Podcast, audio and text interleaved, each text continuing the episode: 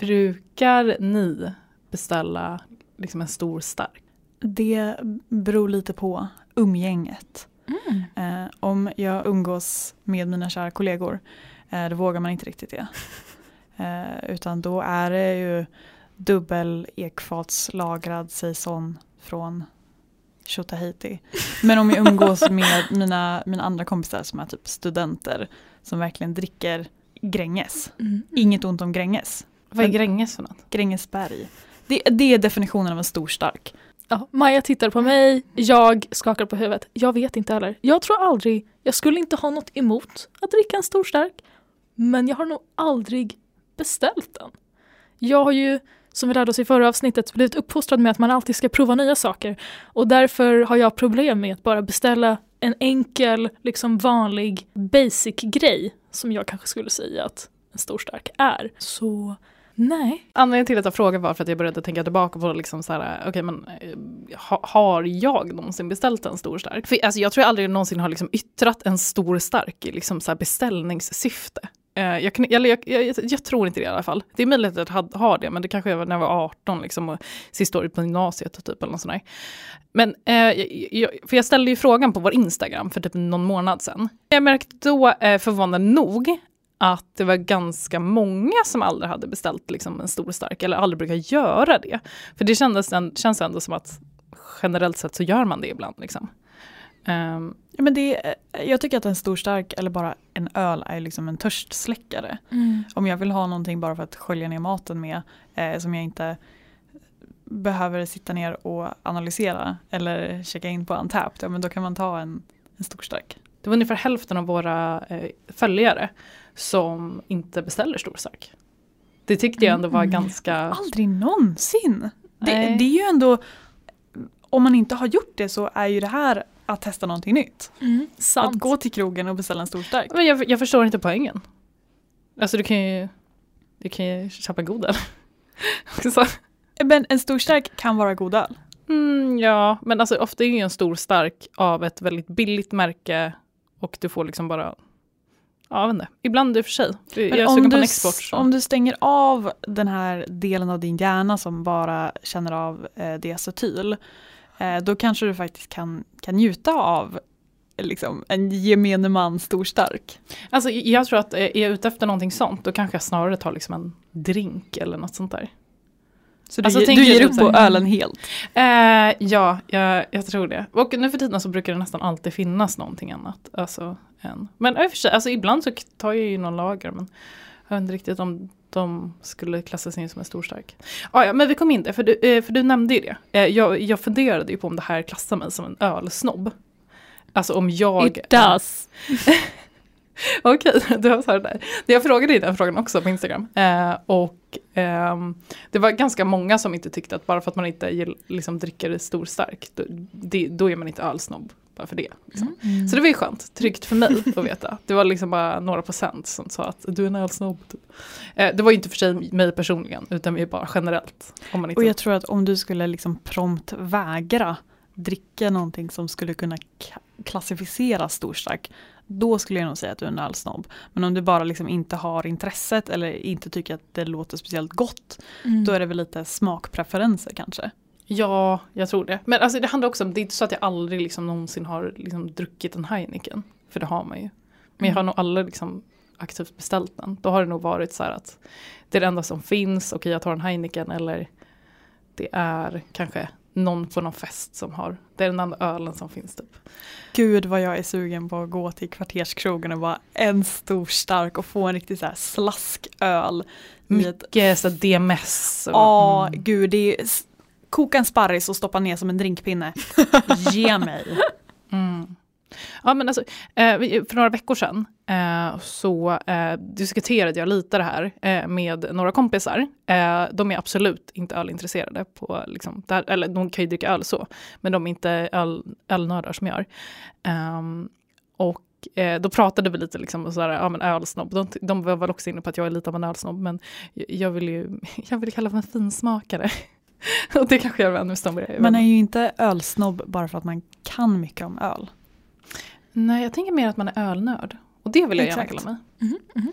Ehm, Nej men eh, för då började, kom vi in sen på liksom det här med att skicka tillbaka öl eller reklamera öl och sådana saker. För jag, jag sa det att någon gång beställde jag liksom en sån här, eh, ja men det, det kanske var någon sån Heineken eller eh, Carlsberg eller ja, någon av dem, liksom, någon exportbillig öl. Och eh, den var liksom helt, alltså den var jätteäcklig. Det var liksom bara diacetyl och DMS, eller det var någonting fel. Alltså, då var det faktiskt fel på den. Det var inte så att mm. den bara smakade så, utan det var något fel på den så jag skickade tillbaka den. Och mina, några av mina kompisar sa liksom så här, nej, det kan vi inte, eller va? Kan man göra det? Eller, så här, eller hur? Det känns ju ganska osvenskt att ens så här klaga på service på en mm. restaurang. Alltså jag äter mycket sydostasiatisk mat, eh, men jag hatar koriander. Eh, och jag vågar ju inte säga ingen koriander tack. Så jag bara, jag bara äter det. Även fast jag inte tycker om det. Det smakar mm. tvål. Men jag, jag, bara, jag bara köttar igenom, för jag vågar inte. Jag menar att skicka tillbaka en öl, det, jag vet inte, det, bara tanken om det känns så fräck. Ja, jo, men alltså, jag har ju aldrig gjort det bara för att så här, okay, beställer jag en belgare och jag bara inte gillar den, då är det en sak att jag skickar inte tillbaka den. Mm. Men ibland så har det varit så att de har liksom varit på riktigt defekta, ja. det har varit liksom något fel och då har jag verkligen varit där, nej. Ja men då tycker jag det är ganska bra att man gör det. Och man hjälper, speciellt om det är på typ tapp eller, eller även flaska. Och man kan kolla upp liksom, vart kom den här ifrån, vad är det som har hänt. Så då kan man hjälpa andra kunder också.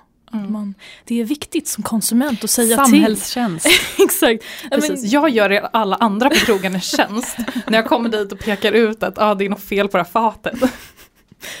Nej, men jag tycker, alltså, man ska ju ändå upptycka om det viktigaste är att det är en upplevelse, enligt mig.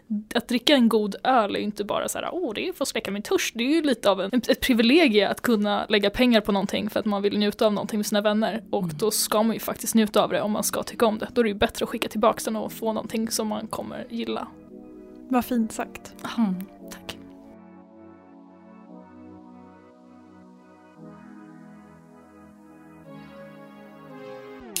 Hej och välkomna till Humlepodden, en ölpodd med mig, Julia Jacka, Maja Koivunen och Rebecka Findell. Gott nytt år! Årets första öltema är tjeckisk öl.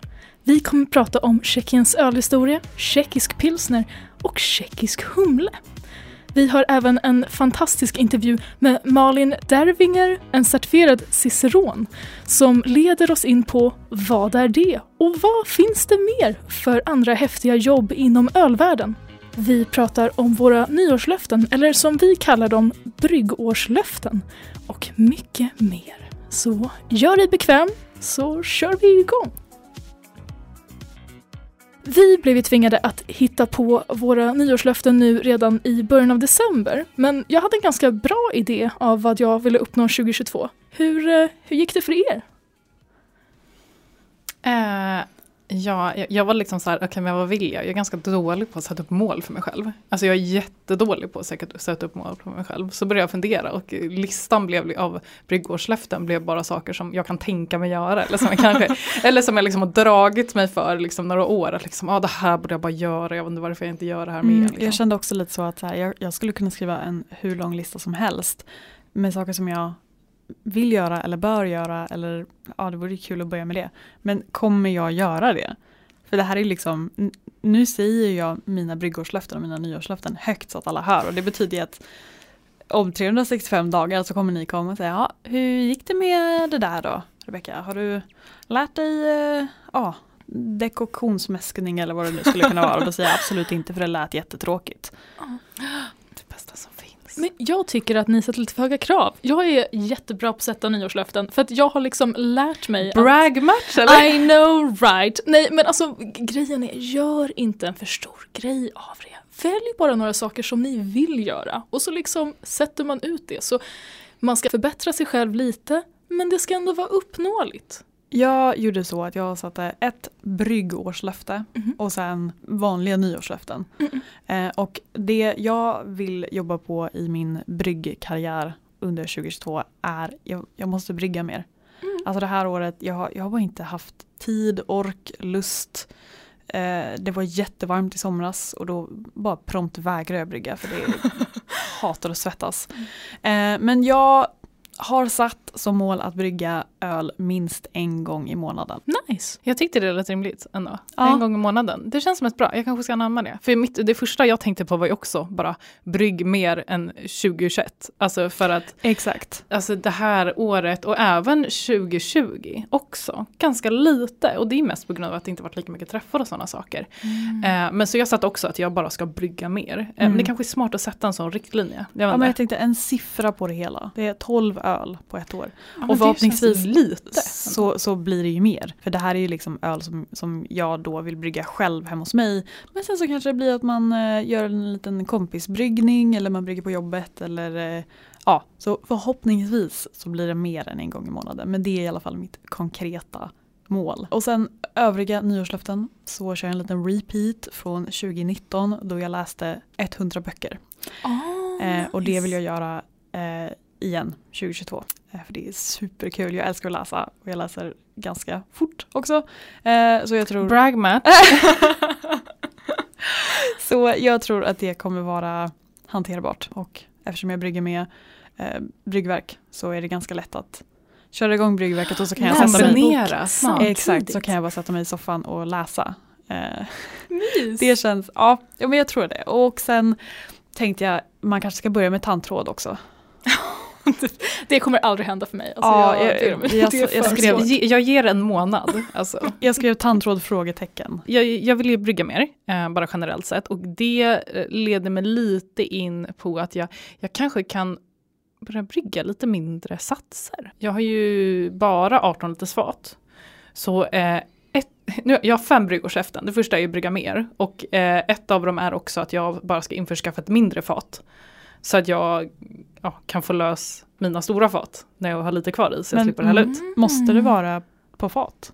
Eh, ja, det är ju också ett av mina nyårslöften att kanske börja tappa upp lite mer på flaska. Jag Exakt. hatar att flaska. Eh, jag är ju Sveriges lataste hembryggare. Eh, och flaska är vidrigt. Jag förstår inte hur man orkar. Men ja, så, men det, jag kommer nog, det kommer nog bli att jag bara får tappa upp på flaska helt enkelt. Eh, brygga mindre satser, kanske investera i ett mindre fat, eh, tappa upp mer på flaska. Jag vill fixa en ölkyl. Alltså ett kylskåp och sen vill jag gärna ha, dels att jag ska kunna jäsa i det men också att jag liksom kan eh, sätta på ett liksom, eh, tappkran, köra tappton Ja. liksom direkt ur kylskåpet. Jag eh, fyller ju år i februari och jag har redan planerat vad jag ska köpa till mig själv i present och det är nämligen en Linder. Mm, För jag har inte plats eh, för en kegerator eh, i min lägenhet men jag har en liten, liten bänkyta där jag har mätt upp och där skulle en liten Linder Pygmy 25 med en tapp passa perfekt. Men det är så mysigt. Mhm. Jag, jag har ju sagt att jag, mitt femte löfte då är ju att jag ska brygga starkare. Mm. Alltså jag är ju, jag brygger nästan bara liksom 4-5 procent. Eh, för att jag tycker oftast att den ölen är godast. Eh, och jag tycker det är lite jobbigt att liksom, dricka upp starkt. Eh, men grejen med starka saker är att de ofta håller lite längre.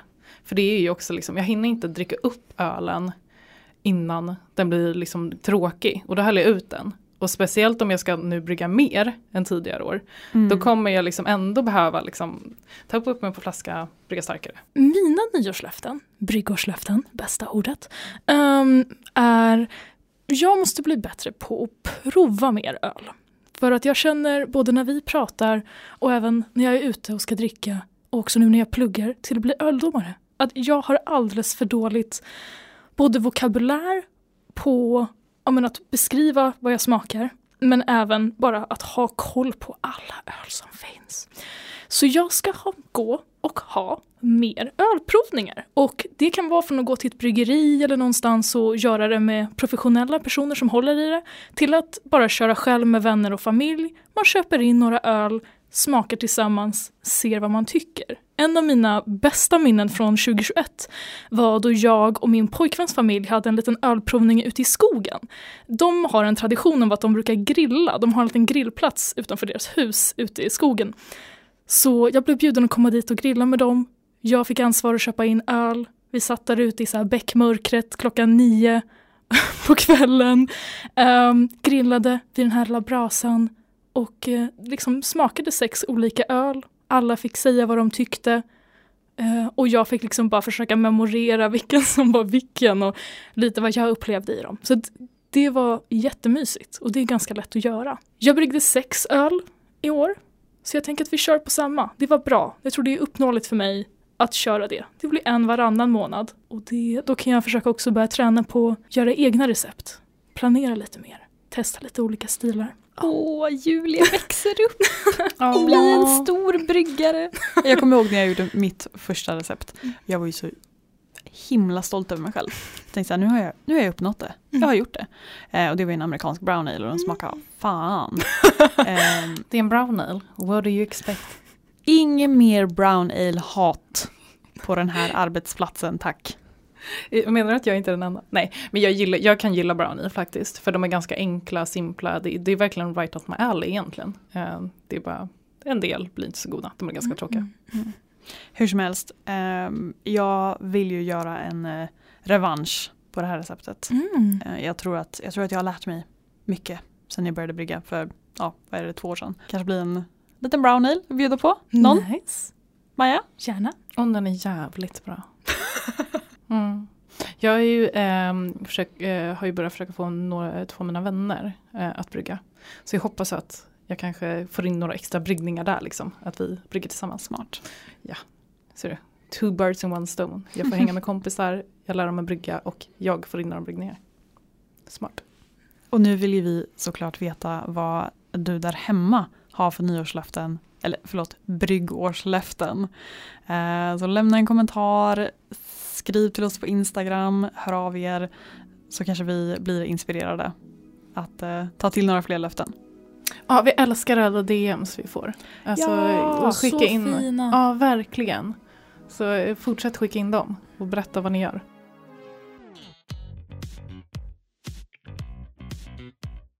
Jag tänker ju berätta historien om världens första pilsner. Oh my god. Mm, so excited. Um, jag har läst boken Oxford Companion of Beer av uh, Garrett Oliver. Den är fenomenal. För det är verkligen A till Ö, eller Z, Ja. om allt som har med humle att göra. Eller förlåt, allt som har med öl att göra. Superbra, recommend.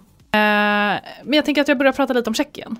Eller snarare Böhmen och den tjeckiska eller böhmiska pilsnern. Har ni bra koll på den? Nope. Jag tänkte vi börjar i själva Böhmen eh, som var eh, ett eget kungarike från typ 1100-talet till eh, 1900-talet, ish, stora drag. Eh, området utgör ungefär två tredjedelar av dagens Tjeckien. Är det vad man brukade kalla Bohemia på engelska? Ja. Och, ehm, ja. och här i Böhmen då, då eh, startar de flesta kända tjeckiska bryggerier. Det är liksom i den regionen de allra flesta startar. Eh, och under typ 12 till 1300-talet då växer sig liksom bryggmarknaden jättestor här. Främst på grund av att liksom, eh, ja, lagarna på den här tiden var väldigt gynnsamma för de lokala bryggerierna. Eh, det hade tillgång till bra humle, speciellt, eller kanske bland annat, eh, den nobla humlesorten SAS. Mm. Yes. Ehm, så det var inte, de hade ganska gynnsamma förutsättningar egentligen. Eh, så det var inte så konstigt att eh, det blev ganska stort på den tiden där. Eh, och en liten fun fact. Eh, 1588 släpptes världens första printade eh, lärobok om bryggning i Böhmen. Wow. Mhm, mhm. Ja. Men så eh, under några århundraden så gick det alltså väldigt bra för bryggerierna i den här regionen. Eh, eller det här kungadömet eller vad man ska säga. Men fram till ungefär så här 1600-talet, för då började det 30-åriga kriget. Och efter det gick det sämre. De tidigare ganska privilegierade bryggerierna var inte längre så privilegierade. Eh, och det var inte ens liksom förrän liksom på 1800-talet som Böhmen blev liksom något att tala om i ölvärlden efter det. Men så de hade en bra start och sen gick det dåligt i några århundraden. Men vad hände då på 1800-talet då? Eh, m- mycket. Eh, oh, jag vet! Nej, jag vet. Industriella revolutionen. Eh, Ja, kanske det. Nej, okej. Eh, jo, men det, det är säkert sant. Det är det, men det var tydligen inte det som var Okej. Aha, eh, jag, nej men eh, tydligen eh, så var det ett problem att det inte fanns liksom tillräckligt bra kvalitativ öl. det. Jo, i men det här Böhmen. känner jag igen, ja. Alltså det var liksom så här, tydligen var det ett problem som de hade. De bara, Mm, nej det har inte tillräckligt mycket så här kvalitativ öl, den är inte tillräckligt bra. De har bara stor stark. Ja, Åh ibland. nej. Nej, de hade inte stor stark på den tiden. Inte ens det. Nej. Så en arkitekt vid namn Martin Delser, jag hoppas jag uttalade det rätt, eh, fick i uppdrag av ett gäng liksom, lokala affärsmän att bygga upp ett bryggeri i Pilsen. För att det inte fanns tillräckligt mycket bra öl. Var det en ort som hette Pilsen? Mm. Eh, det, det är en ort som heter Mm. Pilsen, Fortfarande? eller en stad. Det- Klassas det som en stad? Eller är det fortfarande bara en ort? Jag har alltid haft en bild av att det är en stad. Men eh, det får vi kolla upp. På den här tiden kanske det bara var en ort. Mm. Han började resa runt lite, eh, typ för inspiration och research och sådär. Sen kom han hem till Pilsen igen. Eh, en bryggare från Bayern vid namn Josef Groll anställdes som bryggmästare. Eh, och bryggeriet byggdes upp. Det är ganska snabbt så jag förstod det. Det var liksom, han fick uppdraget, reste runt lite, sen satte han igång. Pang bom, nu blir det öl. Ja, i princip. Eh, men så eh, Josef Groll, som faktiskt är huvudpersonen i det hela, eh, beskrivs som en ganska speciell typ.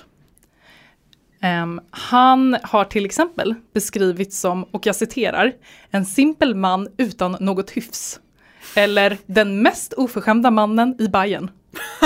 Ehm, ja. Eh, men förutom att beskrivas som en liksom allmänt otrevlig människa så ska han tydligen ha varit en, en riktig liksom brygg, bryggtalang.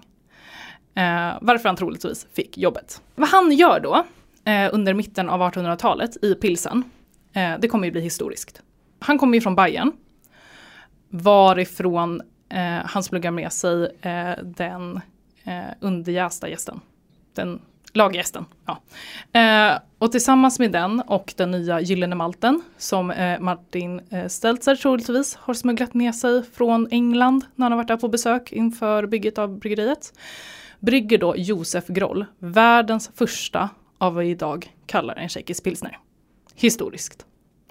Eh, så den här kombinationen av den smugglade ljusa malten, eh, den bayerska eh, underjästa eh, den noblaste av de alla humlesorterna, SAS, låga jästtemperaturer och pilsens mjuka vatten skapar då Josef Groll den perfekta ölen. Wow. Och den beskrivs då som, och jag citerar igen, en gyllene dryck med tjockt snövitt skum. Alltså låter inte det underbart? Så gott. Och jag föreställer mig en sån här grön eh, patentkorks grollflaska. Jag antar Åh, att det de är samma Josef. Groll. Det måste vara det. Pass. Jag gillar den också extra mycket för hur mycket smugglande som behövde ske för att få ihop Exakt. den här. Ja, jo men alltså för, för den här tiden så blev ju ganska mycket nytt. Alltså den här ljusa malten, för det pratade jag lite om eh, i IPAn i första Mm, avsnittet. Hur liksom så här, när de lite ljusare maltsorterna började komma, hur de liksom var liksom wow, det var nytt. Mm. Plötsligt kunde man göra ljusa maltsorter. Eh, så det blev liksom ja, ja, lite anledningen till att det gick att göra den här ljusölen. Eh, men idag så kallas ölen som Josef Groll en gång bryggde för vad då? Pilsner, Ja, och inte vilken pilsner som helst. tjeckisk pilsner. Nej, jag, jag, syftar på en specifik, Jaha, okej. eh, det är pilsner Urquell. Jaha. Ja. Jaha. Eh, och på tyska så betyder ju pilsner Urquell den ursprungliga pilsnern. Oh my god. Ja. Pilsner OG. Ja, och eller som jag vill, eh, gärna skulle vilja börja kalla den, världens mest stiltypiska öl. För alltså pilsner Urquell är ju vad som gjorde den tjeckiska pilsnern en tjeckisk pilsner. Det är liksom urfadern till liksom alla pilsner.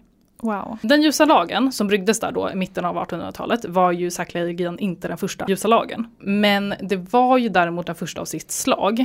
Eh, och den här öltypen Eh, kom ju liksom att revolutionera hela världen efter det. Och vad jag i alla fall tror, avgörande sak för att pilsnens liksom stora storhet är eh, att de inte tog patent på den. Varken på receptet eller på namnet.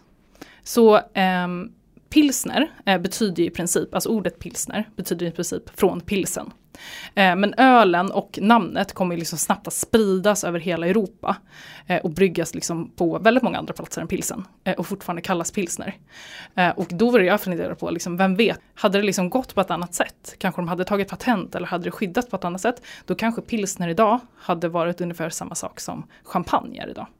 Alltså så skyddat tänker jag. Gud vad intressant. Mm. Men det är det inte och jag är glad för det.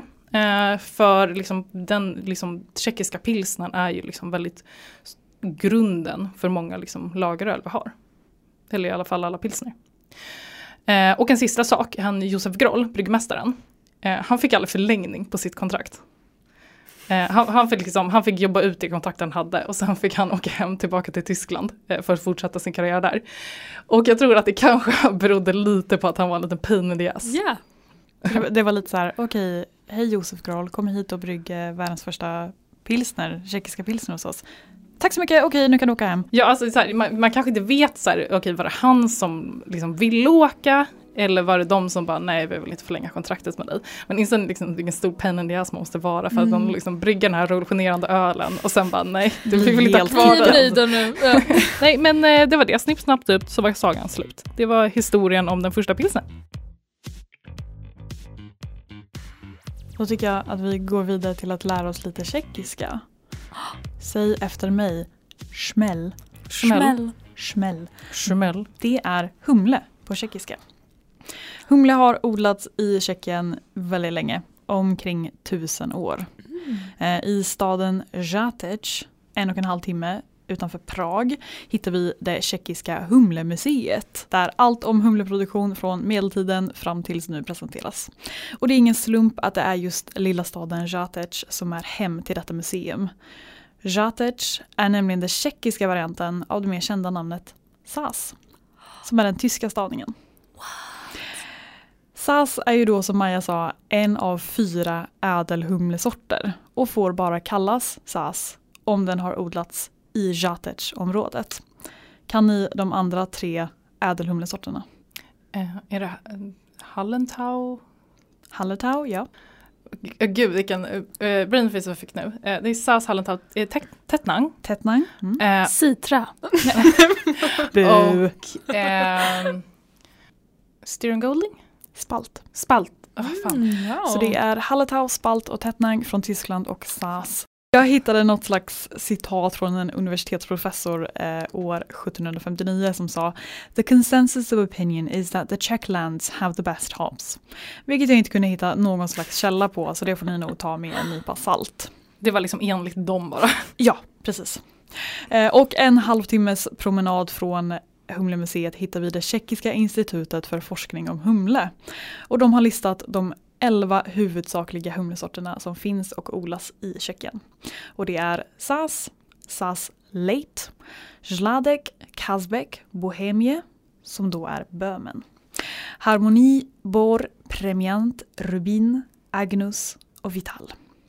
Sas Late är då en variant av Sas. Ehm, framodlad för en mer robust och avlång kotte, lite mer besk. ehm, och då kanske inte lika nobel som Sas Original. Eh, Zladek betyder bryggare på tjeckiska. Mm. Och det är en spretig liten kotte med mycket fruktig arom. Eh, en röd tråd med den tjeckiska humlen är att det just är aromhumle. Eh, och för det var det som var fokus när humlen kultiverades för flera hundra år sedan. Eh, och väldigt få av de här humlesorterna har en alfasyra över 10% Rubin och Agnus ligger på 9 till 12% vanligtvis och Vital ligger på 12 till 16 Agnus är för övrigt en mycket intressant humlesort. Den har odlats fram från fem olika kända humlesorter. Tre tjeckiska och två engelska. Eh, och den fick sitt namn från humleforskaren Dr. Beranek. Eh, Beranek betyder då lamm på tjeckiska. Och lamm på latin är Agnus. Eh, och det här är då från Humleinstitutets Atlas of Czech Hop Varieties. En ypperligt trevlig och intressant tidskrift med fun facts, som kanske bara jag tycker är fun, eh, och grafer och jämförelser över alfasyror och k-humulonhalter och gud vet vad. Eh, institutet håller även på med utveckling och förädling av ovan nämnda humlesorter. Där de jobbar väldigt mycket med att få fram humle som lämpar sig lite bättre till bittergiva. Eh, de får fina namn efter månar och planeter som Venus, Juno, Eris och Pluto. Och numera odlas humle huvudsakligen i tre områden. Det är Ustek och Žatec i norra Tjeckien och Trčice i öst.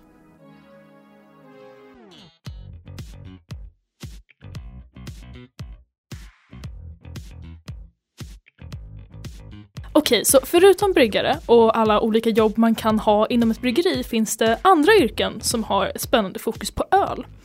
Jag har fördjupat mig i tre av de mest välkända yrkena slash titlarna man kan ha som expert inom ölbranschen. Ciceron, domare och sommelier. Och jag börjar med vad jag förstår som den med högst prestige, Ciceron. Eh, på hemsidan där jag läste om det här, www.ciceron.org, eh, så har de väldigt starkt fokus tidigt på hur man uttalar det här ordet. Så det är därför jag kommer eh, fortsätta säga det så här. Deras beskrivning är, inom citattecken, Cicerone is pronounced cis, ö, ron. Så et är tyst. Eh, jag vet inte om det är så man uttalar det på svenska också, men det är därför jag istället för att säga cicerone säger ciceron. För att det är hur de på engelska skulle säga det. Men ordet måste ju komma från engelskan. Då känns det ju tro- konstigt att vi ska lägga till ett e på slutet. Men jag vill ju hävda att det kommer ifrån namnet Cicero som var en Mm. romersk eh, viktig Petter. Eh, jag som har läst latin. Eh, och hans namn uttalar man ju då Kikero Mm. Eftersom det finns inga Så mjuka det ska egentligen vara kickeron. Kikerone. Jag kommer fortsätta säga ciceron. En ciceron ska ha erfarenhet inom att välja, införskaffa och servera dagens breda ölsortiment. Du får endast kalla dig en ciceron om du har gått en speciell ciceronutbildning där du får titeln Certified Cicerone, som är trademark. Så det räcker inte med att på egen hand eller inom ett annat yrke lära sig mycket om öl, utan du måste gå den här specifika utbildningen för att kalla dig en ciceron. I denna utbildningen finns det flera olika kunskapsnivåer som ger olika titlar. De olika titlarna man kan få är Certified Beer Server, Certified Cicerone, Advanced Cicerone and Master Cicerone. Där certifierad Beer Server då är den första nivån och Master Cicerone den sista och mest avancerade. Jag har hört att det bara finns typ 10 Master Cicerone i hela världen. Oh my god. Alltså det är Det är så svårt att bli det. helt otroligt. Ja. Det här är vad som står på hemsidan till Ciceronutbildningen. The Cicerone certification program seeks to ensure that consumers receive the best quality beer at every service occasion. To facilitate this, those who sell and serve beer need to acquire knowledge in five areas keeping and serving beer, beer styles, beer flavor and evaluation, beer ingredients and brewing process, pairing beers with food. Så på svenska, hur man förvarar och serverar öl, olika ölstilar, smak och hur man bedömer ölen, ha koll på ingredienser och hur man brygger och hur man parar ihop öl med olika rätter. Är det allt man behöver kunna bara för den grundliga? Ja. Jesus Jag tyckte Christ. ändå det lät ganska lite. Jag är liksom Alltså det enda jag behöver lära mig är ju par, para ihop, eh, eller jag antar att det finns en nivå på de här grejerna också. Men jag känner att det först, svåraste känns ju som att man ska lära sig hur man parar ihop mat med öl. How do you know that? En stor stark. Across the board. Everything. Exakt. Ja, men det är jättespännande. Yrke två. Sommelier. Är det, är, är det som man säger det? Sommelier? Sommelier. Sommelier. sommelier. Eh, yrket sommelier har ursprung i det mycket äventyrliga yrket som provsmakare vid det kungliga hovet. Där ens uppgift var att kontrollera kvalitet på mat och dryck. Och det är vad man fortfarande gör idag om man har det här yrket. Och det började väl snarare som att kungen inte ville bli förgiftad. Så då måste någon Exakt. provsmaka allting innan. Jag vill gissa, slash hitta på, att yrket då var eh, att kolla att maten inte var förgiftad.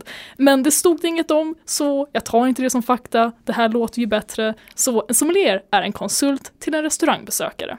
En ölsommelier ska även ha koll på produktionsprocessen, rätt val av öl till olika maträtter, skapa ölmenyer, ge kocken råd om rätter, organisera ölköp, ansvara för kvalitet på den perfekta presentationen av öl.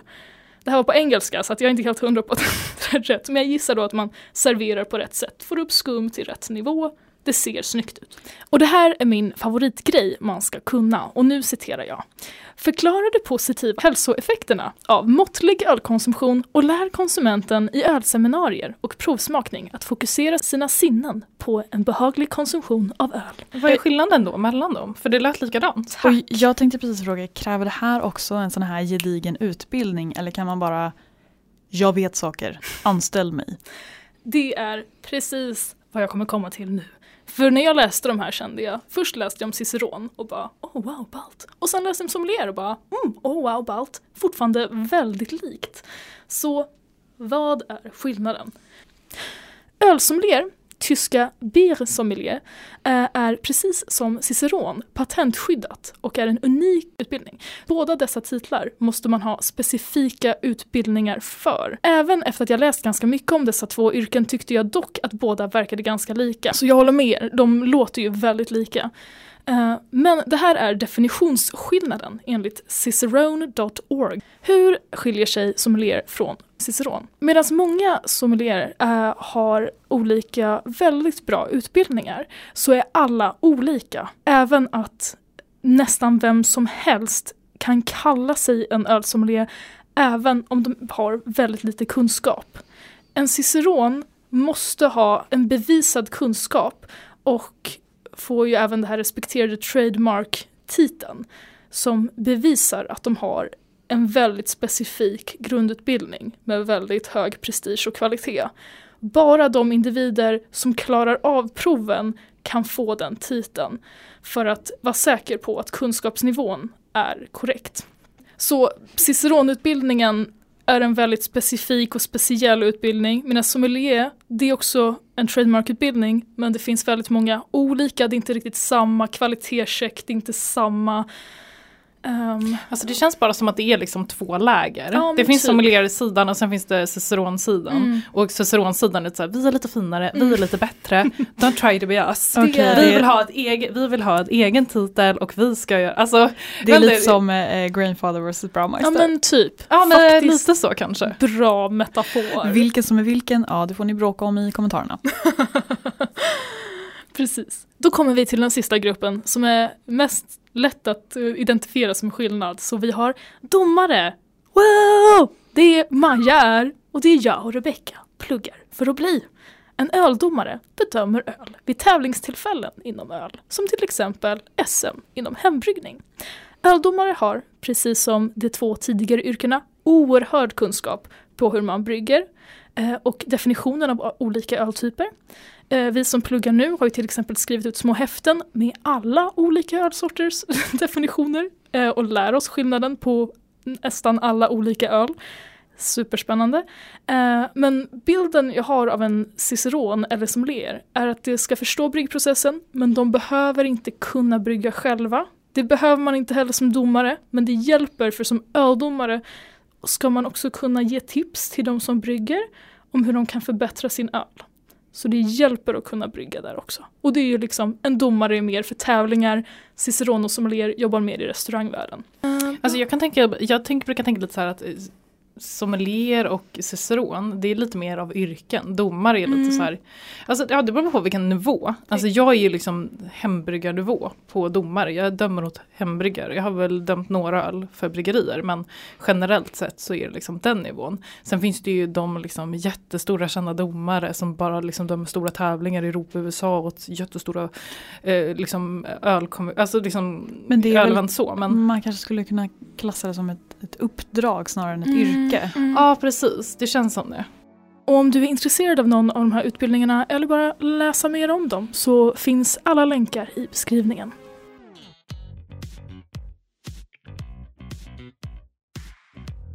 Det har varit jättespännande att läsa om det här och det finns verkligen så många häftiga jobb man kan ha kopplade till öl. Och det ledde mig till något jag velat prata om ett bra tag. Ölgäris branschlista. Och då ska jag bara börja berätta vad Ölgaris är. För er som inte vet. Ölgaris är en organisation som lyfter fram kvinnor och icke-binära inom ölbranschen. Det finns en Facebookgrupp som du kan gå med i om du identifierar dig som kvinna eller icke-binär och brygger eller jobbar med öl eh, eller bara tycker om öl. Det är en så fin och bra organisation som verkligen öppnar upp en helt ny värld och ett, ett helt nytt underbart kontaktnät eh, jag kan inte beskriva hur glad jag är att jag har jobbat här på Humlegården och har så många coola tjejer omkring mig som brygger och är så aktiva inom ölvärlden. Men om man startar upp själv någonstans är det kanske svårt att hitta andra kontakter och känna en gemenskap.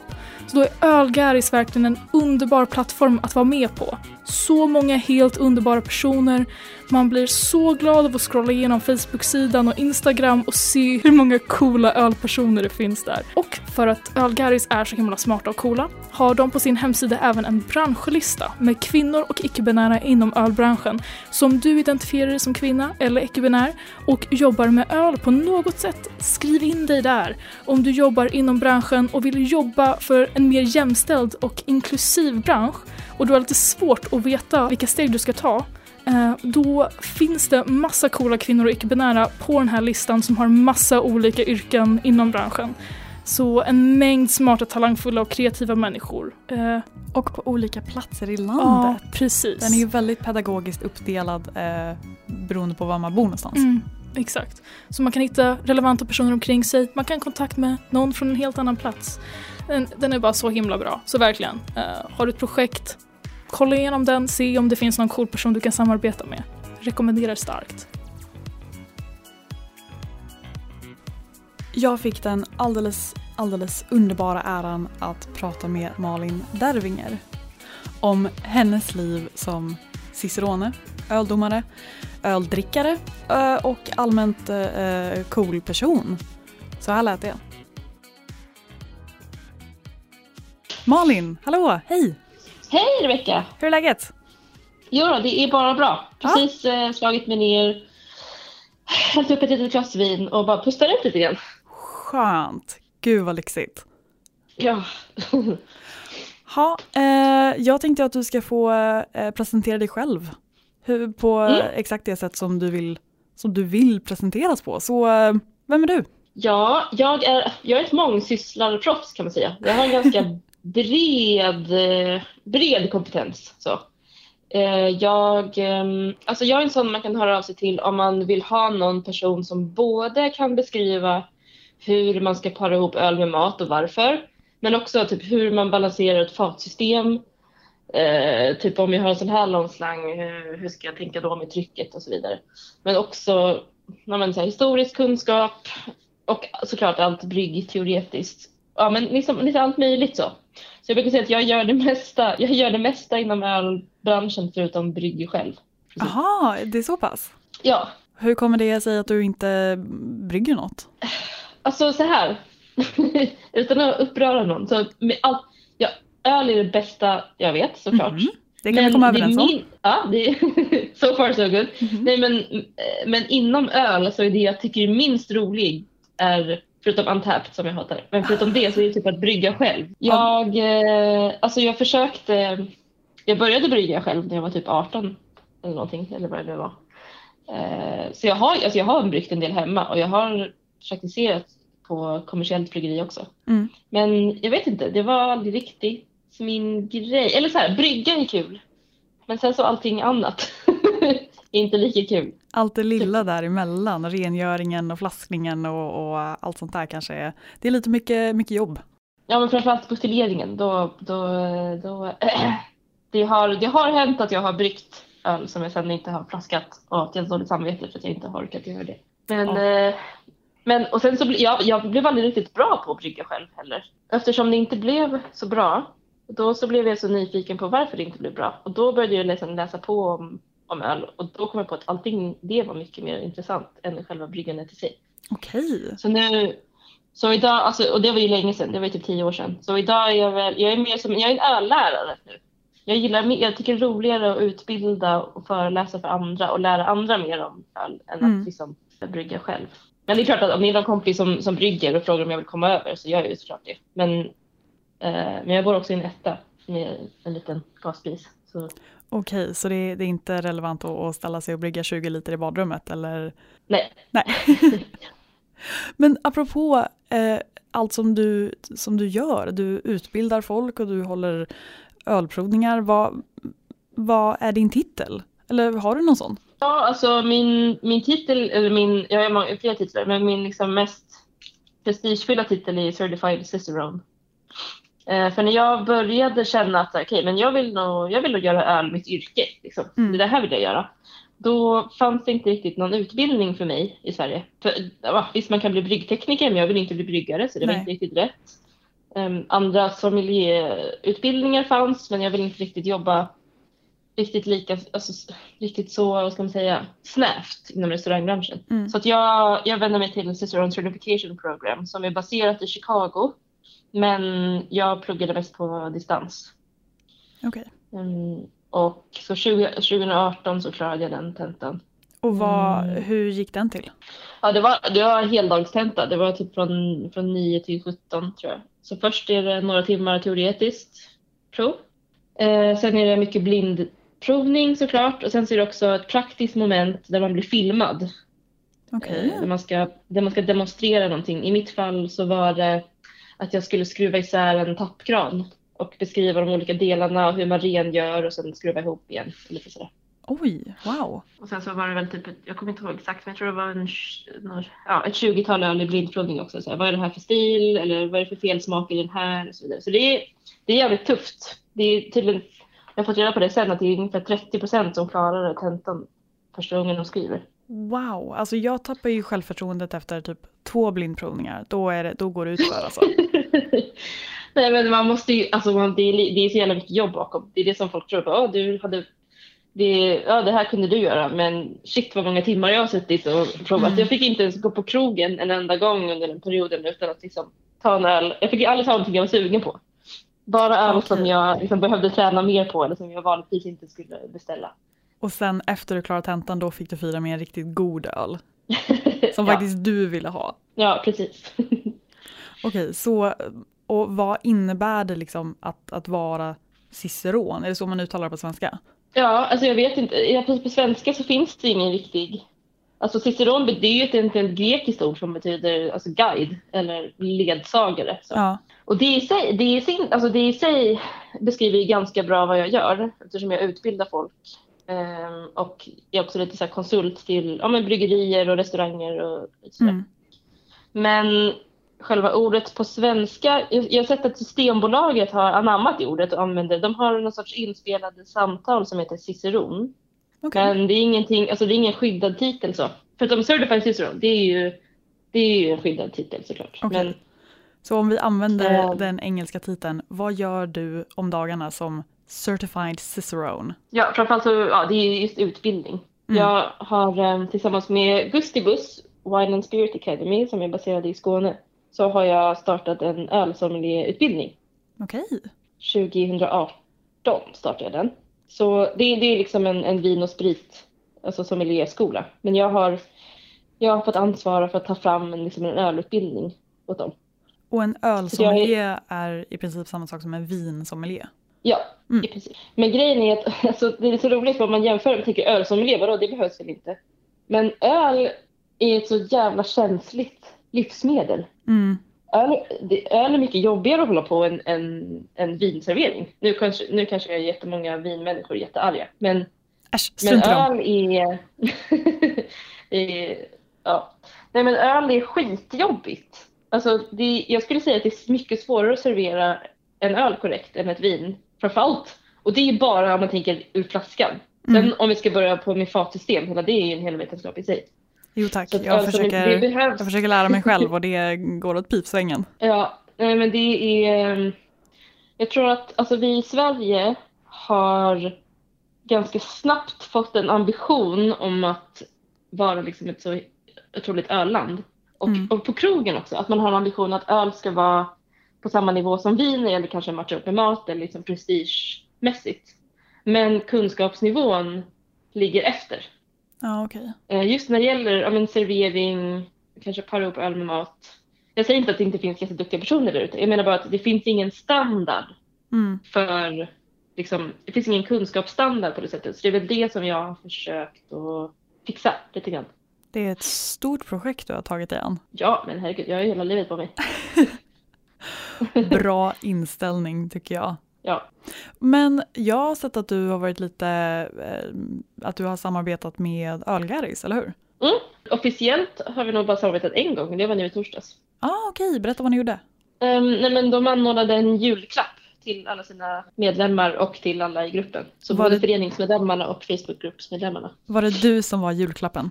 Ja, Ja, vi hade en provning eh, Mm. i klassiska ölstilar som också sändes live.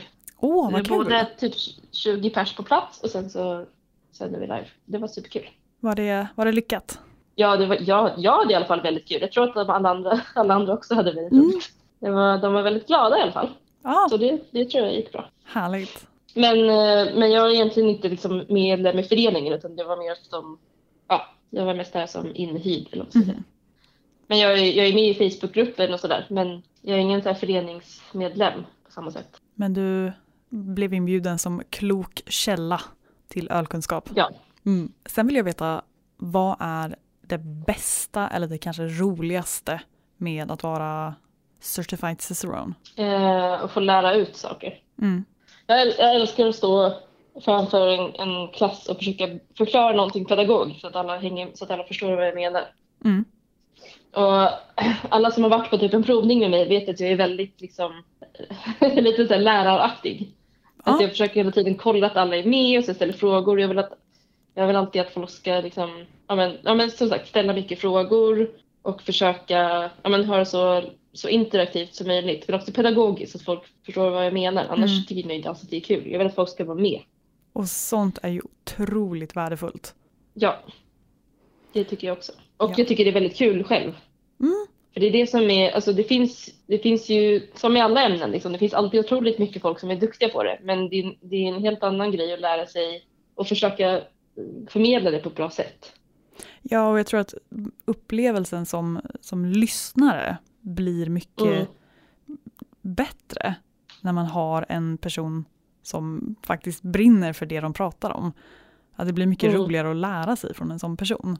Ja, och att jag faktiskt, inte bara att jag brinner om det jag pratar om, men också att jag, jag brinner för att de ska hänga med. Mm. Också. Det, det är det som, det tycker jag är absolut roligaste, när jag känner att jag har fått med mig alla och fått dem att förstå någonting. Ja, Sen, jag är inte utbildad inom pedagogik eller så. Jag är inte liksom, utbildad lärare på något sätt. Men ja, det kanske kommer försöker naturligt för vissa människor. ja kanske. Ja, sen kan jag inte säga, jag har ju inte själv varit elev hos mig så jag kan ju inte själv säga att jag är världens bästa på det sättet. Men, Jag får ta och men fråga dina elever. verkar. Ja, det verkar, de verkar ganska nöjda i alla fall. Mm. Förresten, är det här ditt liksom dayjob? Är du, är du öllärare på heltid? Eh, för tillfället, nej. Jag ehm, har princip varit mammaledig hela 2021 och bara tagit lite små ströjobb. Sådär. Okej. Men, och sen så har jag varit pandemi och hela faderullan innan dess. Men innan pandemin så var, jag, så var det mitt heltidsjobb. Mm. Så vad, vad är dina planer för 2022? Jag, för, först och främst under 2022 så ska jag ehm, försöka unna min man att vara pappaledig istället. Mm, Så då ska jag i princip, jag ska i princip göra vad jag kan. Jag, jag tar de jobb jag får Mm. helt enkelt. Men det vore ju jättekul ifall vi kunde få till en, en ölsommelierutbildning i, åtminstone i Malmö. Mm. För vi har haft några intressenter, så vi behöver bara få in lite mer folk så att det kan bli av. Ja. Och då, så, då pendlar jag till Malmö då, eller alltså en gång i veckan. Mm. Och du bor i Stockholmsområdet? Ja. Ja. Ehm, så med lite tur så, så blir det så. Och Ja. annars så fortsätter jag, jag också lite extra, så jag guidar matturer i Stockholm på lördagar Mm. Med eh, Food Tours, Okej, heter de, Food Tours Stockholm. och vad får man göra Mm. där? Där går vi runt. Idag hade vi faktiskt Spotify på besök. Det var kul. De, vi, då började vi med en liten ölprovning. En liten snabb speed tasting. Mm. Och sen gick de vidare till massa olika restauranger i stan. Eh, prov, testade lite allt möjligt. Så det är lite som att man får upptäcka nya pärlor i Stockholms stad kan man säga. Ja, spännande. Jag hoppas verkligen på att jag ska kunna eh, hålla de här ölsommelierutbildningarna på heltid. Ja, Alltså min, dröm, min dröm vore att ha dem både i Stockholm och Malmö. Eh, men pro, mitt problem, eller vårt största problem är att få in liksom, anmälningar. För att jag är ganska dålig på marknadsföring. Det är svårt att nå ut till alla som skulle vara intresserade. så eh, ni hör det lyssnare där hemma. Anmäl er att bli ölsommelier omedelbart så får ni härliga Malin som er lärare. Omedelbums! Ja! eh, men Malin, vi eh, på Humlepodden alltså intervjuar ju och pratar med kvinnor inom ölbranschen för att vi tycker att de rösterna behöver höras. Ehm, så jag vill veta lite vad, vad har du för erfarenhet med att vara kvinna inom en så, så mansdominerad bransch? Har du märkt av det någonting? Ja, men gud, men det märker man ju av, eller det kan man ju inte undgå, höll jag på att säga. Mm. Jag skrev faktiskt en uppsats om, om det här ämnet innan jag själv började jobba med öl. Så Okej. skrev jag en, en kandidatuppsats om svenska kvinnor i bryggbranschen. Wow! Så jag, jag, jag har dedikerat en hel eh, skoltermin i mitt liv till att, att intervjua svenska bryggare om, om just det här. Och jag tror det är skillnad eh, eftersom bryggaryrket i sig är ganska annorlunda gentemot det jag gör. Mm. Så det mesta, alltså i min vardag, det jag märker av mest är väl att folk alltså brukar kommentera att det är lite extra imponerande eller någonting. Eller att de lägger till, oh wow, och så är det en tjej också. Eller något sånt. Okej. Och hur, hur Ehm, känns det? Eh, nej men jag, jag förstår väl, alltså det är inte världens roligaste kommentar. Nej. Men å andra sidan så, eh, nej, jag brukar bara, jag brukar skämta, till, jag brukar skämta och bara så här, ja vad konstigt va? Eller så här, säga någonting. Typ bara, vad sjukt, vilken sjuk grej. Ja, precis. Men, men, eh, men jag känner ingen som inte har behövt förhålla sig till det på något sätt. Mm. Alltså vare sig det, oavsett hur man ser på saken själv. Um, alltså vissa i, är, tycker det är väldigt jobbigt och ett problem och vissa tycker inte att det är jobbigt. Men oavsett hur man, vad man tycker om det eller inte så alla, alla kvinnor i branschen måste ju förhålla sig till det på något sätt. Det, det i sig säger en del om, Mm. om klimatet. Ja, Ibland kan det ha varit att jag har varit med, att jag kanske har varit med i en podd eller någonting och det har varit så här, nej men, men oftast är det så här subtila grejer du vet, att de säger inte rakt ut. Men det är någonting liksom som ligger i bakgrunden att kanske, nej men att man inte får komma till tals lika ofta eller man kanske inte, det, man har liksom en underliggande känsla av att man inte riktigt tas på allvar. Mm. Fast man kan inte bevisa det. Det är det som är så jobbigt. Med alla, med alla frågor om, om, om sexism. Liksom att man ibland man känner sig lite ås- åsidosatt. Fast man kan inte bevisa det heller. Det Nej, är och- det, det, är det, som är, det är det som är det lurigaste tycker jag. Ja, och det är ju precis de här, så här små kommentarerna och eh, mikroaggressionerna som, ja, men som du sa, wow, en kvinna som håller i det här, det är liksom, ja, måste, stating the obvious, liksom. kan, vi inte, kan vi inte gå vidare från att det här är någonting coolt och häftigt? Det, är liksom, det, det, det kan vara coolt och häftigt för dig, men det är min vardag. Ja. Nej men och jag vill ju inte, jag menar jag vill ju hellre prata om fatsystem. Liksom. Mm, exakt, något som är intressant. Ja. För det är lite så att det, också, det kan ta lite tid, eller inte tid, men ja, ta lite energi från Mm. själva um, det jag egentligen vill hålla på med. Ja, Men sen har, jag, sen har jag ju fått, vissa, vissa, jag har ju, jag brukar försöka bara skratta åt saker, men en eh, lite rolig grej som har hänt för att jag är tjej, det är att jag har fått lite roliga smeknamn. Mhm. Till exempel eh, Bärsbruttan och eh, Ölpinglan har jag också fått höra. Oh. Så det, och jag väljer bara att, eh, nej men det är mina smeknamn nu. Absolut. Mm. Ölpinglan. Mhm. Ja, Låter ju väldigt festligt. Okej, vi, eh, jag, Maja och Julia försöker ju mynta begreppet bryggårslöften. Eh, och även om du inte brygger någonting själv så kanske du har några nyårslöften relaterade till öl. oj relaterat till öl. Jag hade ett jättehemskt nyårslöfte förra året. Oj, Det berätta. här, det här kommer kanske göra folk lite arga. Men så här, för att jag var gravid hela 2020. Mm. Ehm, eh, inte hela 2020, då hade jag varit gravid i 12 månader. Mestadels. Men i princip mestadels av 2020. Ehm, och då inför att jag skulle föda barn, då satt jag på Systembolaget och la världens fetaste beställning. Bara massa olika, så här, vad har jag missat under de här nio Mm. månaderna? Liksom. Och då beställde jag massa spännande öl eh, för att hänga med. Och jag blev så besviken på de svenska mikrobryggerierna. Varför då? Nej men alltså jag måste bara haft otur. För sen, alltså jag, ju- sen har jag ju provat, alltså jag har provat såklart lite kontinuerligt men det blir att man inte provar lika mycket även om man spottar när man är gravid. Bara Mm. för att man är inte i de sammanhangen. Och sen var jag, jag var isolerad eftersom det var covid också. Så jag hade, jag hade liksom, liksom inte provat så mycket svensk öl under det året. Och sen när jag väl beställde hem en massa för att prova, då, då måste jag haft en världens otur. Eh, för det var flera som var liksom tvungna att hälla ut. Och de är ändå så här, sådana som är ganska dyra. Så då gjorde jag nyårslöftet att under 2021 så ska jag bara importera öl från Europa.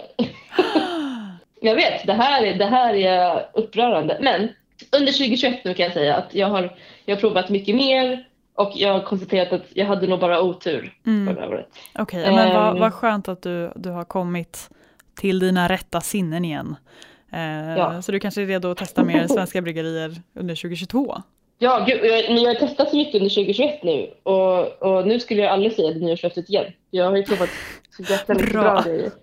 Så det är lugnt. Men något, något ölrelaterat har jag inte i år. Det enda jag har som inte är öl, det är att jag ska försöka dansa mer. Mm, Sen kan ju trevligt. det, det kan ju involvera öl också. Absolut, det brukar bli så ibland. Ja, Är det någonting annat som du vill att omvärlden ska veta om dig Malin?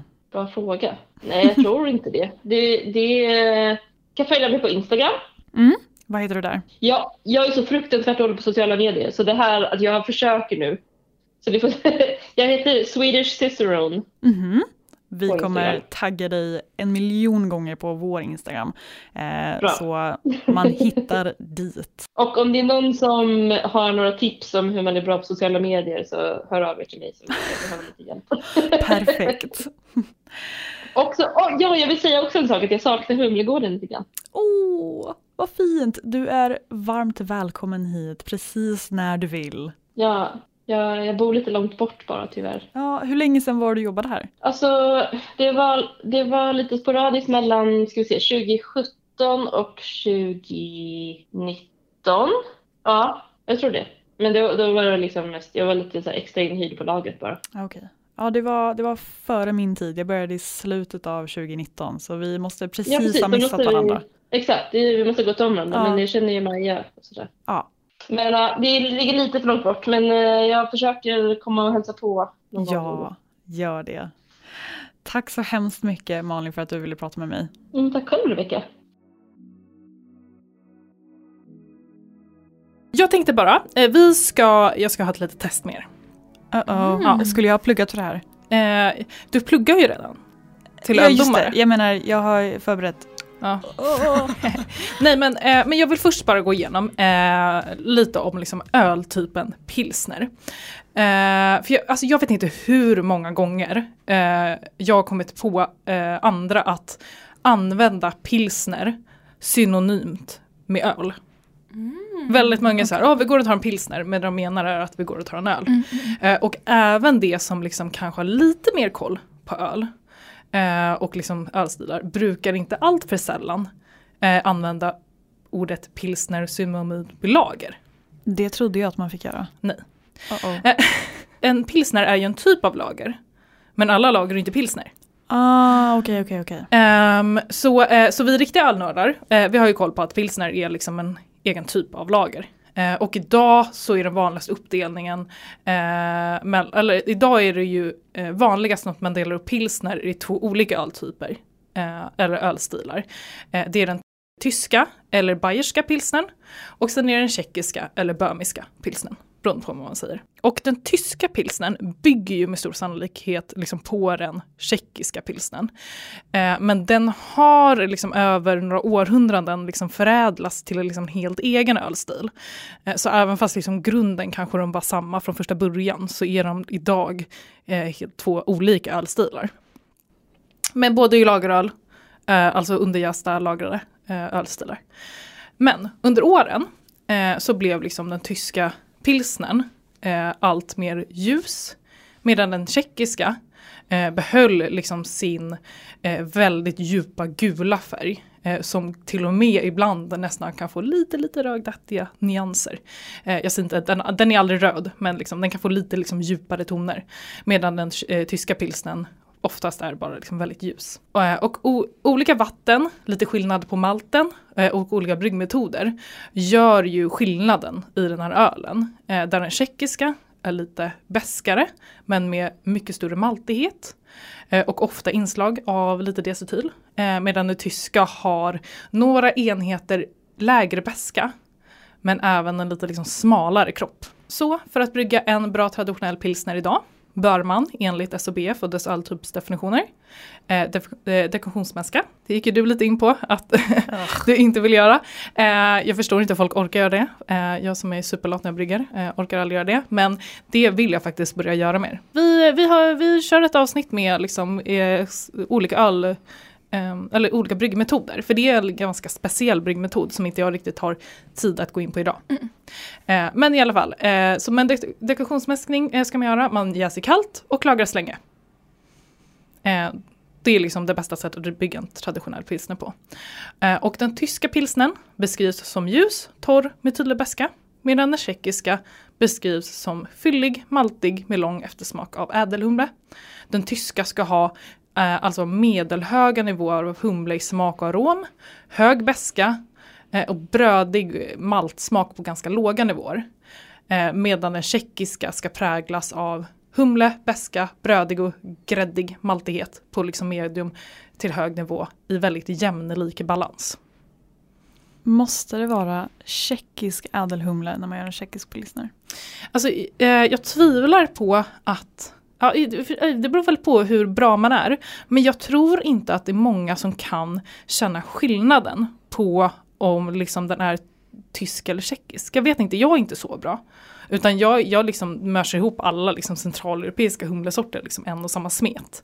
Eh, men traditionellt sett så eh, bryggs liksom en tjeckisk pilsner med SAS. Okej, för jag gillar inte SAS. Ja, men eh, du kan ju brygga en tysk pilsner. Mm, Nej. Okej, men okej, brygg en tjeckisk pilsner men använd inte SAS. Min eh, favorithumlesort är Magnum och det är en tysk humlesort. Eh, men jag tror att man kan göra en ganska bra eh, pilsner på eh, den. Men, men grejen är ju så här att det var ju som du nämnde där med de tyska hum, eller tjeckiska humlesorterna. Att de är ju liksom framtagna för den här liksom aromen och smaken och inte väskan. Så jag tror att, ja, jag vet inte. Men det, ja, det, det får testa. testa Det är väl lite smaksak. Jag tycker bara att SAS doftar bedrövligt. Ja, det är väl en smaksak. Antar jag. Men i alla fall, men, så nu har jag dragit lite snabbt om eh, vad skillnaden är mellan tysk och tjeckisk. Kommer du ihåg allt det där Julia? Oh ja. Eh, jag, men, eh, jag, för jag brukar när jag testar humle bara försöka fokusera ganska mycket på den här kortfattade karaktärsbeskrivningen. Och det är ju liksom att den tyska pilsnen, ljus, torr, tydlig beska. Tjeckiska pilsnen, fyllig, maltig med lång eftersmak av ädelhumle. Så nu ska vi se, på, eh, på det test, se om ni kan skilja på en tysk och en tjeckisk pilsner. Julia och Rebecka. Hej Julia. Hej. Hej Rebecka. Hej Maja. Um, Okej, ni har två öl framför er. Eh, då är er, eh, er högra öl nummer ett. Och er vänstra öl nummer två. Ehm, ni ska alltså gissa vilka av dem som är en tysk pilsner och vilka av dem som är en tjeckisk pilsner. Båda är liksom väldigt stiltypiska. Ehm, lycka till! Tack så mycket. Okej Julia, precis innan vi började här så fick du hit en... Du, du sa ganska snabbt vad du trodde. Mm. Vill du säga det en gång till? Ja, jag tror jag vet vilken som är vilken bara på färg. Och jag är oerhört stolt över det. Och jag känner att det kommer vara så pinsamt om jag har fel nu för att jag är så säker. Den här till höger är ju väldigt ljus. ja, Den är ju väldigt klargul också. kissgul. Ja, Man får inte säga kiss i tv. det är Eh, eh, den är ju väldigt kul. gul! Den är gul! Den är gul. Eh, får man sen jämföra det med den som vi hade på vänster sida, den är lite Ja. mer... Det här är ju den eh, typiska storstark-färgen Ja, det är sant. skulle jag säga. Eh, lite mer åt bärnstenshållet men som Maja sa, inte röd men, Men- rödaktig. Yes. Eh, Och nu kände jag lite doft här Ja, av exakt. tvåan och det var också positivt. Vad känner ni för dofter? Öl. ja, nej alltså jag... Tysk pilsner är ju jättesvårt. Men alltså det är ju ganska stereotyp pilsner man får när man går ut. För er som inte brukar tänka på sånt här. Den luktar, jag tycker fräscht, trevligt. Um, Nej, I got nothing. tycker man kan dofta lite malt, lite maltighet, lite lätt. Ja, lite så här. Det doftar krämig malt. Men Tycker ni att det är lätt att skilja dem åt? Är det liksom tydligt att det är helt två olika ölstilar? Oh ja! ja, alltså Oh, för det ja, första färgen. Mm. Definitivt. Här kom också den beskrivningen du hade innan som var så fin.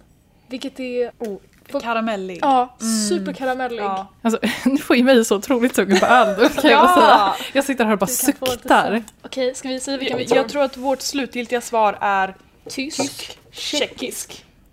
Eh, ja, det var ju korrekt. Kommer om det här är världens mest stiltypiska öl. då vet jag inte ens om jag vill brygga längre. Men jag känner det också. Jag vill, jag vill bara dricka den Jag här kan, ölen. men jag kan inte uppnå det här. Så fint. Vi kan liksom, Det kan vara 2023s löfte. Jag ska, jag ska brygga en urkel. Det var alltså ni drack eh, en, eh, faktiskt, pilsnerurkel.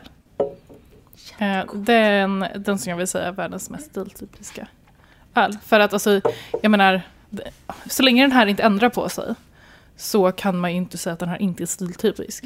För det Och här är varför ju, skulle man ändra på den? If it ain't broke, don't fix it. äh, eller hur? Eller hur? Jag känner beska nu också som du beskrev. Ah, mm. Mm. Eh, Gever? Jäver? Gever? Ja, Ah. alltså, ah. Eh, jag säger alltid jä- Gever, tror jag. Men det är nog inte rätt. jag säger alltid jäver. Ja, eh, eh, Då precis. säger Men, jag chever. Ja, precis. Du, du, du, du, du, okej, det är en fransk öl, eller vadå? Nej, men eh, så en stiltypisk tysk lager. Eller en tysk pilsner. Allt det roliga får sitt slut och även det här avsnittet har kommit till sitt slut. I nästa avsnitt ska vi vrida tillbaka klockan ordentligt och prata mer i detalj om kvinnor i brygghistorien. Vad var deras roll egentligen? Hur bryggde man öl på den tiden? Och vad var det för typ av öl? Vi bjuder även på en riktigt spännande intervju och mycket ölsnack, precis som vanligt. Det vill du inte missa. Om du vill veta vart alla våra härliga berättelser kommer ifrån så kommer vi länka alla våra källor och medverkande i en källförteckning som finns i poddbeskrivningen. Du har lyssnat på Humlepodden med Julia Jacka, Maja Koivinen och Rebecca Findell. Du kan nå oss på podcast.humle.se och följa oss på Instagram där vi heter Humlepodden. Lyssna på ett nytt avsnitt första fredagen varje månad. Det här avsnittet producerades av Humlegårdens ekolager, manus av Julia Jacka, Maja Koivunen och Rebecca Findell, klippning av Julia Jacka.